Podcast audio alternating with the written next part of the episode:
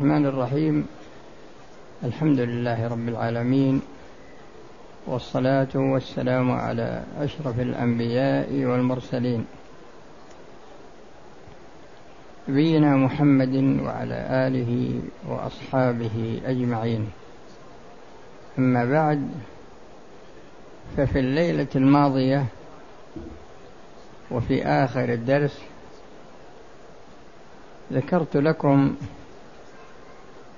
أنني سأترك المدة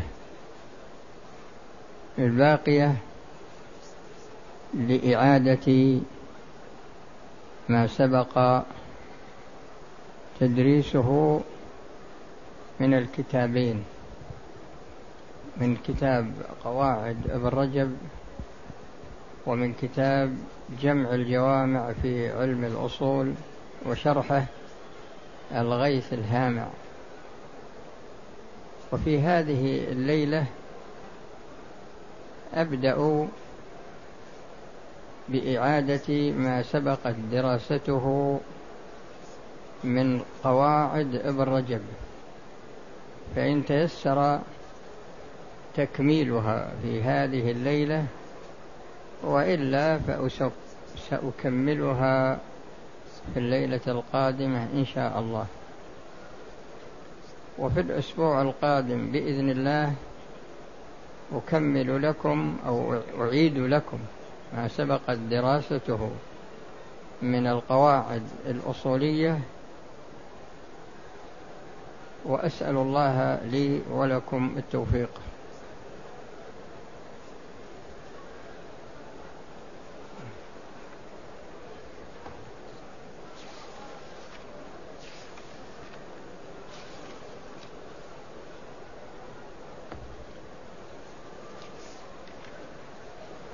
القاعدة الأولى من القواعد الفقهية لابن رجب رحمه الله القاعدة الأولى الماء الجاري هل هو كالراكد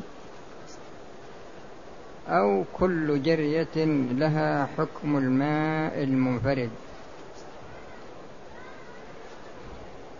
الأصل في هذه القاعدة حديث إذا بلغ الماء قلتين لم يحمل الخبث يعني إذا لم تغير طعمه ولا ريحه ولا لونه. وأن ما دون القلتين يحمل الخبث ولو لم يتغير لونه ولا طعمه ولا, ولا ريحه. هذا في الماء الراكد لكن الماء الجاري هل كل جرية منه تعتبر؟ كالماء الراكد. يعني هل نعتبرها قلتين كل جرية؟ أم أن مجموع جريان الماء جميع جريان الماء ننظر إلى كثرته. فإن قلنا اتركوا الكلام يا أخي. فأنت تحسره هناك. لأن هذا مجلس علم. ما هو مجلس سواليف. أنا إذا تكلمت ما أريد أحد أن يتكلم يعني بدون مؤاخذة لأنه ينقطع عندي الكلام أنشغل بالشخص. فأنتم إذا كانكم في حرم الله وطلبة علم ولا تعرفون أدب يعني مجالس العلم هذا يصير صعب مرة. ما يصلح هذا. لا. الآن لا مشغول أنا في غير. الآن الناس عندهم بزابيز وعندهم شيء ما عندهم ها؟ معروف هذا معروف.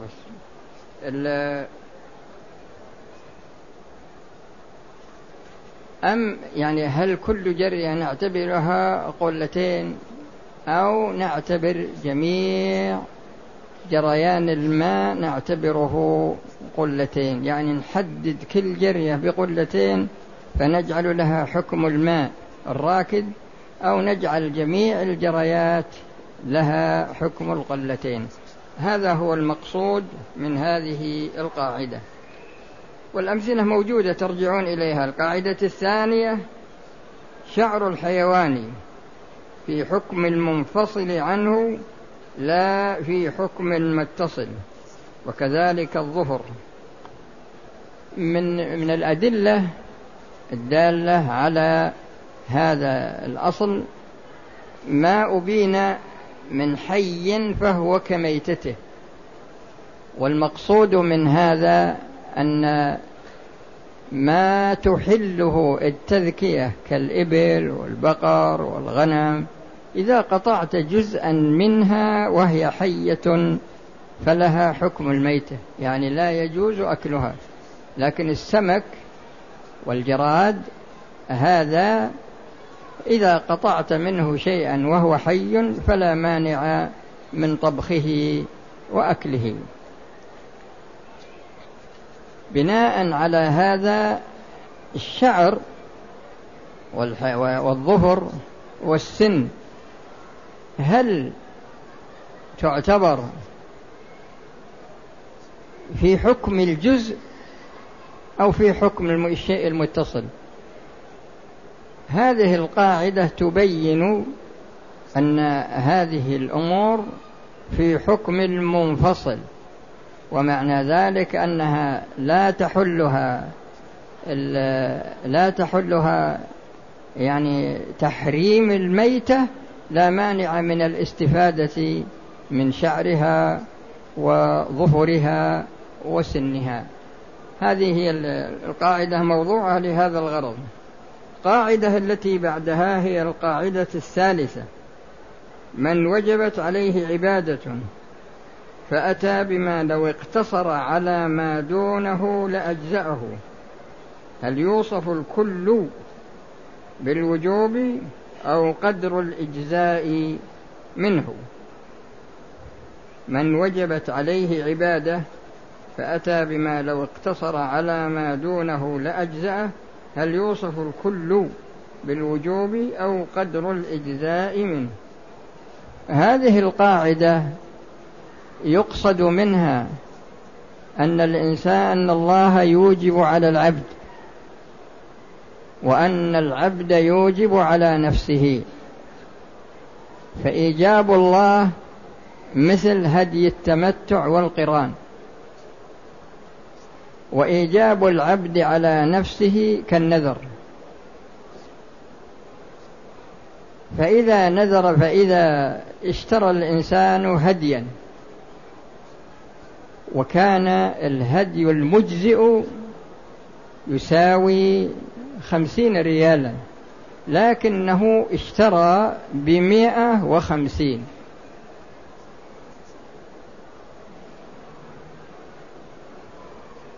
ولو نذر على هذه الصفة يعني نذر كبشا يساوي خمسين ريالا لكن عند الوفاء اشترى كبشا بمئة وخمسين. هذه زيادة لكن هذه الزيادة ممتزجة. فإذا كانت الزيادة ممتزجة أخذت حكم المزيد عليه. إذا كانت الزيادة ممتزجة لأن ما يمكن تخليص الكبش الذي يساوي خمسين من هذا الكبش الذي يساوي اشتري بمئة وخمسين. فعلى هذا هذا قسم. من لأن القاعدة لها أقسام. هذا هو القسم الأول. إذا كانت الزيادة ممتزجة بالمزيد عليه فلها حكمه قد يقول قائل ما الفائدة من هذا؟ الفائدة من هذا أن هذا الذي اشتراه لو تعيب. لما جاء يذبح الهدي وجد أنه متعيب. لما جاء يذبح النذر وجد أنه متعيب. هل يشتري بخمسين ريال كبش ولا يشتري بمئة وخمسين؟ قلنا إن الزيادة لها حكم المزيد عليه. وبناء على ذلك فإنه يشتري كبشا بمئة وخمسين لأنه تعين بالوجوب. أو تقول وجب بالتعيين أحسن. وجب بالتعيين. وهكذا بالنظر إلى مصرف النذر. إذا ذبح ما قيمته مئة وخمسين أو مئتين أو ثلاث وكان قد نذر كبشا يساوي خمسين فإنه يوزع جميع لحم هذا الكبش الذي اشتراه بمائة وخمسين أو بمائتين هذا هو القسم الأول من أقسام القاعدة من أقسام فروع القاعدة. القسم الثاني تكون الزيادة منفصلة تماما. تكون الزيادة منفصلة تماما. فمن نذر أن يتصدق بعشرين صاع من البر ولكنه تصدق بخمسين أو بستين صاع من البر. إذا نظرنا إلى العشرة الأول أو العشرين الأول التي نذرها إذا نظرنا إليها وجدنا أنها منفصلة عن المزيد وأن المزيد منفصل عنها. فإذا تبين خلل في هذا الذي مثلا نذره أو الذي وجب عليه وجدنا فيه خلل في الزيادة والمزيد عليه. وقلنا له لا وقلنا له هذا لا يجزئ لا بد أن تأتي ببدره. هل يأتي بعشرين الصاع ولا بالخمسين؟ يعني هل هو كالأول؟ الأول يعني الزيادة ممتزجة بالمزيد عليه ما يمكن تخليصها. هذا الزيادة منفصلة عن المزيد عليه تماما. فإذا جاء يسأل نقول له لا يجب عليك إلا ما أوجبته أصلا وهو عشرون صاع. أما الثلاثون فإنها منفصلة عن العشرين. هذا القسم الثاني. القسم الثالث من القاعدة أو من فروع القاعدة هو أن الزيادة تكون متصلة بالمزيد عليه ومنفصلة عنه يعني متصلة من وجه ومنفصلة من وجه آخر. متصلة من وجه ومنفصلة من وجه آخر. فإذا نظرنا إلى الصلاة وجدنا أن التسبيح في الركوع يعني الواجب واحدة وأدنى الكمال ثلاث وأعلاه في حق الإمام عشر. هذا في تسبيح الركوع وفي تسبيح السجود نفس الشيء. صلى إنسان أتى بالتسبيح في الركوع عشر وأتى بالتسبيح في السجود عشر وهكذا. لما انتهى من صلاته وجد أنه على غير وضوء. يعني تذكر أنه على غير وضوء.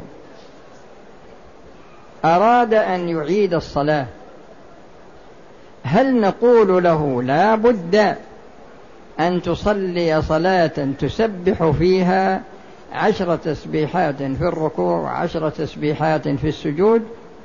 أو نقول إنك لو اقتصرت على واحدة أو على أدنى الكمال ثلاث فإن هذا يكفيك. فإن هذا يكفيك. الجواب هو الثاني. إذا اقتصر على المزيد عليه فإنه يكفيه عن ولا ولا حاجة إلى الزيادة. لكن أتى بالزيادة فهي فهي زيادة فضل.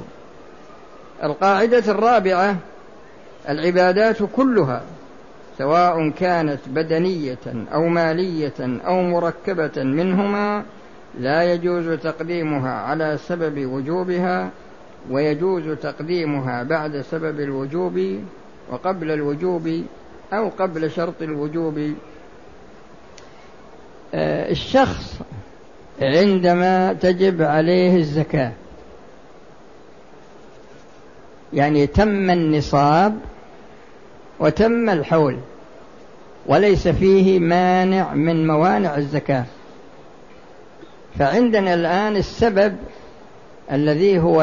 الذي هو ملك النصاب وعندنا الشرط الذي هو تمام الحول. في هذه الحال توفر السبب وتوفر الشرط. فإذا أخرج الزكاة فلا إشكال في أدائها عنه أو براءة ذمته منها. هذا هذه صورة. الصورة الثانية عكسها. إذا زكى قبل تمام النصاب وقبل مجيء الحول يعني قدم السبب قدم الزكاة قبل السبب وقبل الشرط عكس الصورة الأولى عكس الصورة الأولى. في هذه الحال لا تجزئه لأن بعض الناس يصير عنده ورع ويصير عنده أقل من نصاب ويقول لا بزكيه ويصير خير إن شاء الله.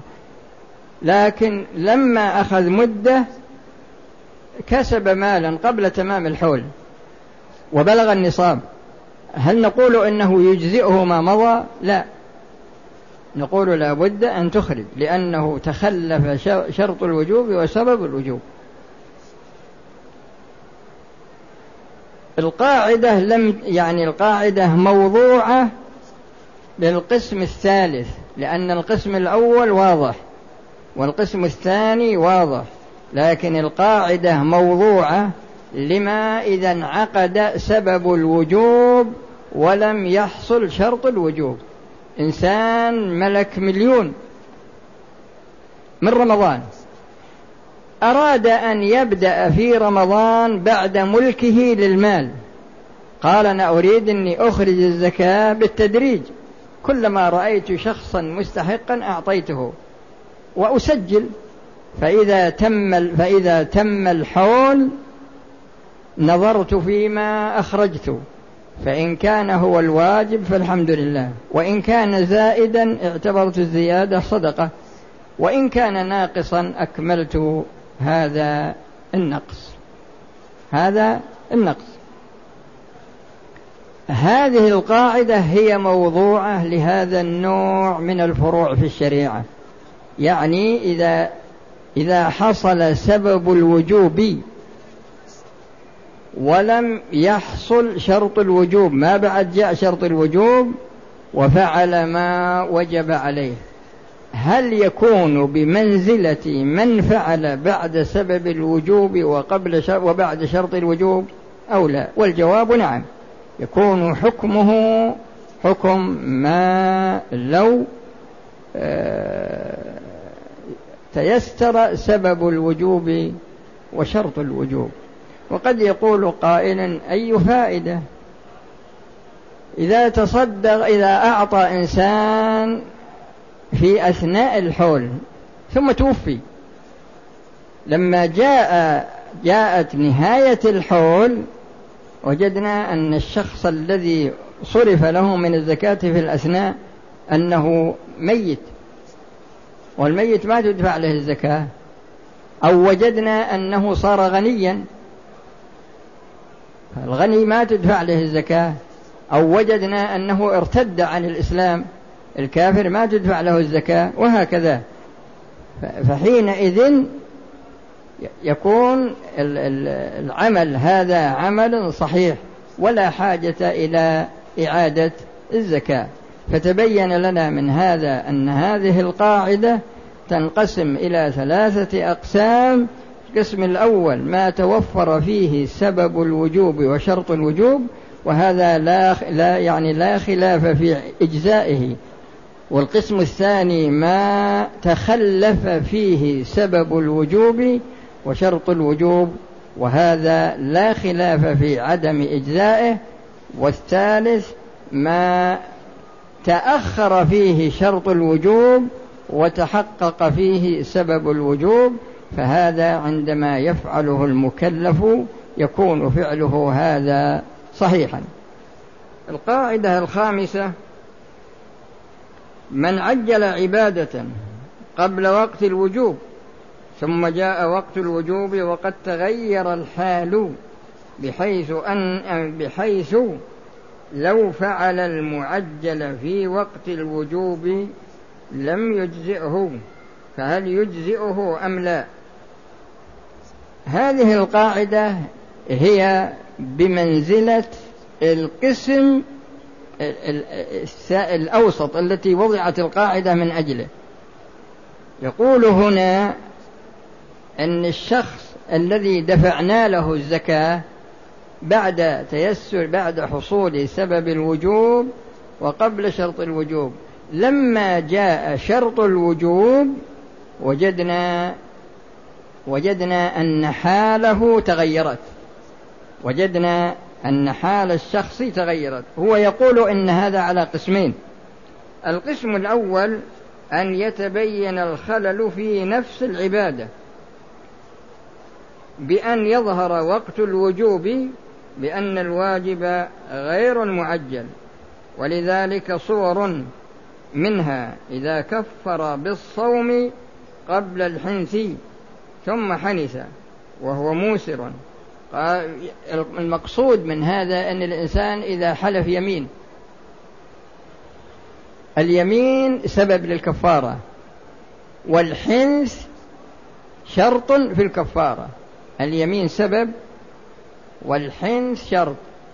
إذا كفر قبل اليمين ما في إشكال أنه ما يجزئ. وإذا كفر بعد اليمين وبعد الحنث لا إشكال في أنه يجزئ. لكن إذا كفر بعد اليمين وقبل الحنث هل تغيرت الحال. غيرت الحال. لما حنث وجدنا أن حاله تغيرت. أن حاله تغيرت. فهل نعتبر الأول يعني قبل التغير ولا نعتبر الثاني بعد التغير؟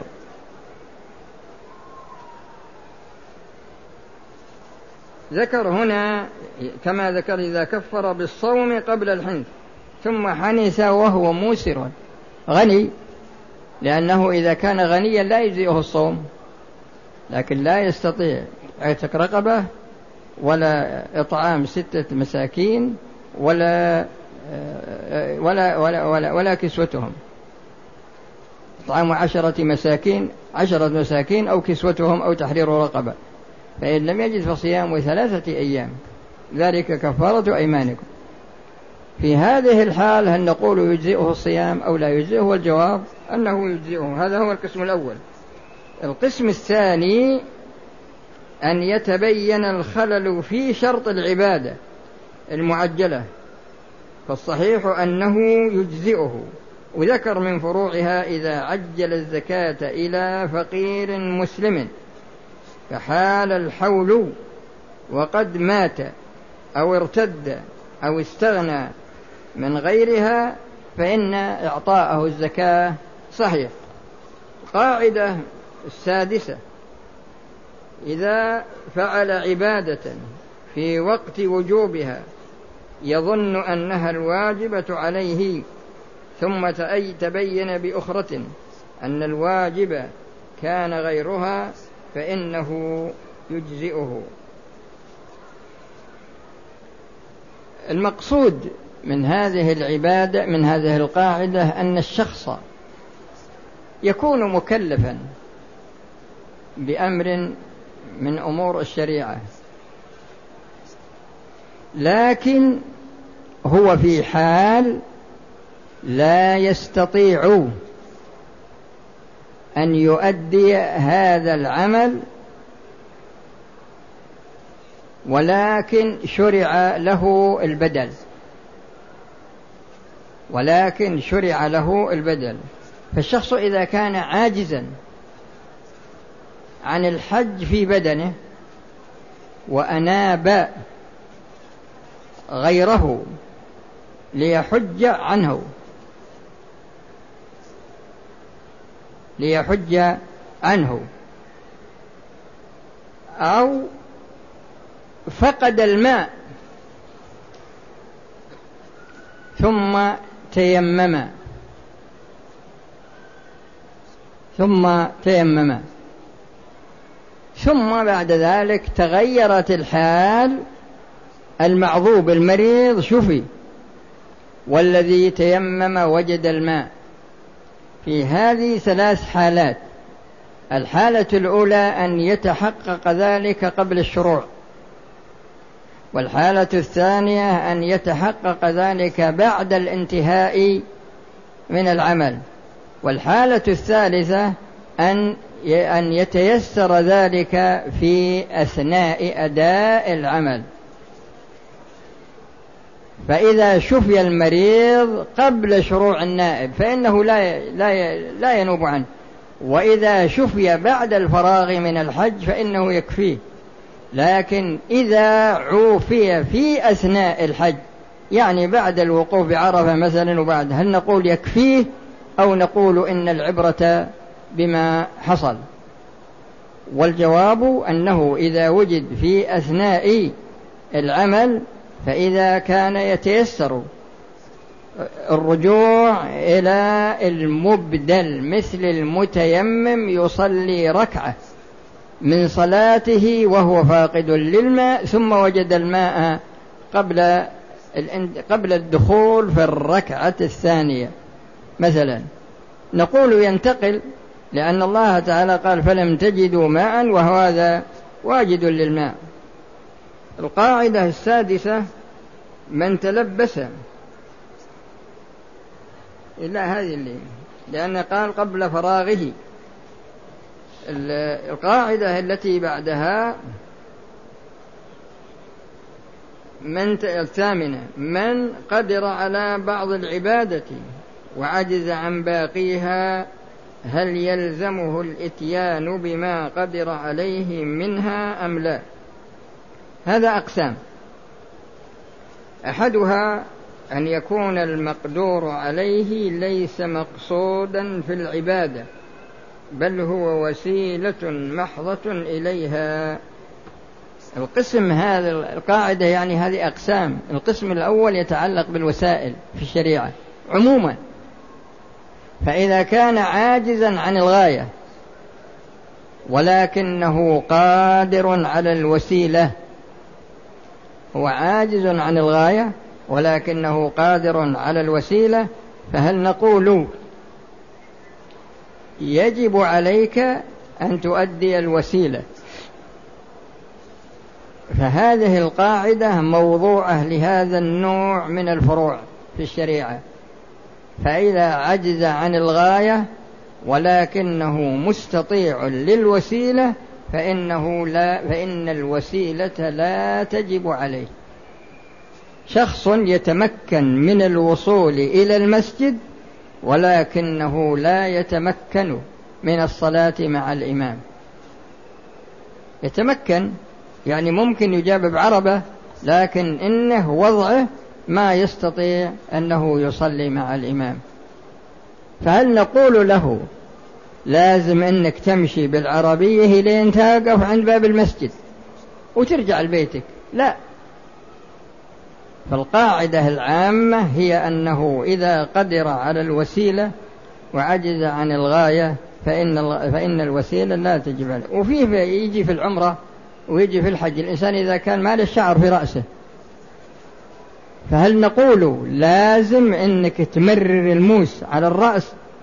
وإلا نقول الرأس ما في شعر.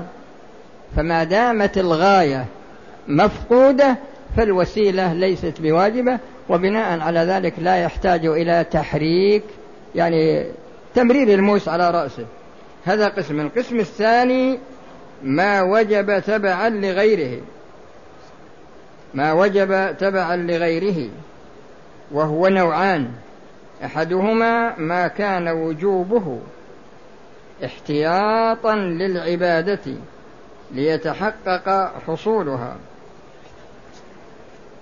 المقصود هذا عكس الصورة السابقة أو القسم السابق. القسم السابق فيما كان مقدم على العبادة لكن هذا في مؤخرة العبادة. هذاك في المقدمة وهذا في المؤخرة. مثل غسل المرفق مع العضد. لأن الله قال فامسحوا بوجوهكم وأيديكم إلى المرافق. وأيضا كذلك الكعبين. فعندما تقطع الرجل أو تقطع اليد ويبقى الطرف الذي يوالي هذا من هنا. العضد يواليه. هل نقول لأن فيه فاصل بينهما قسم تابع لهذا وقسم تابع للعضد؟ يعني قسم تابع للمرفق. فهي ففي هذه الحال هل نقول إنها إذا قطعت رجله أو قطعت يده لازم يغسل هذا المكان ولا ما هو بلازم؟ القاعدة موضوعة لهذا النوع لأن هذا مغسول يعني واجب على سبيل الاحتياط على سبيل الاحتياط ليتحقق غسل آه، المرفق. أو أو الذراع آه، كغسل الوضوء كغسل المرفقين في الوضوء. إذا قطعت اليد من المرفق هل يجب غسل رأس المرفق الآخر أم لا؟ ذكر فيه رأيين الرأي الأول أنه يجب بناء على الأصل والثاني أنه لا يجب لأن المتبوع ساقط وبقي التابع هذا. يعني مثل موضوع الغاية.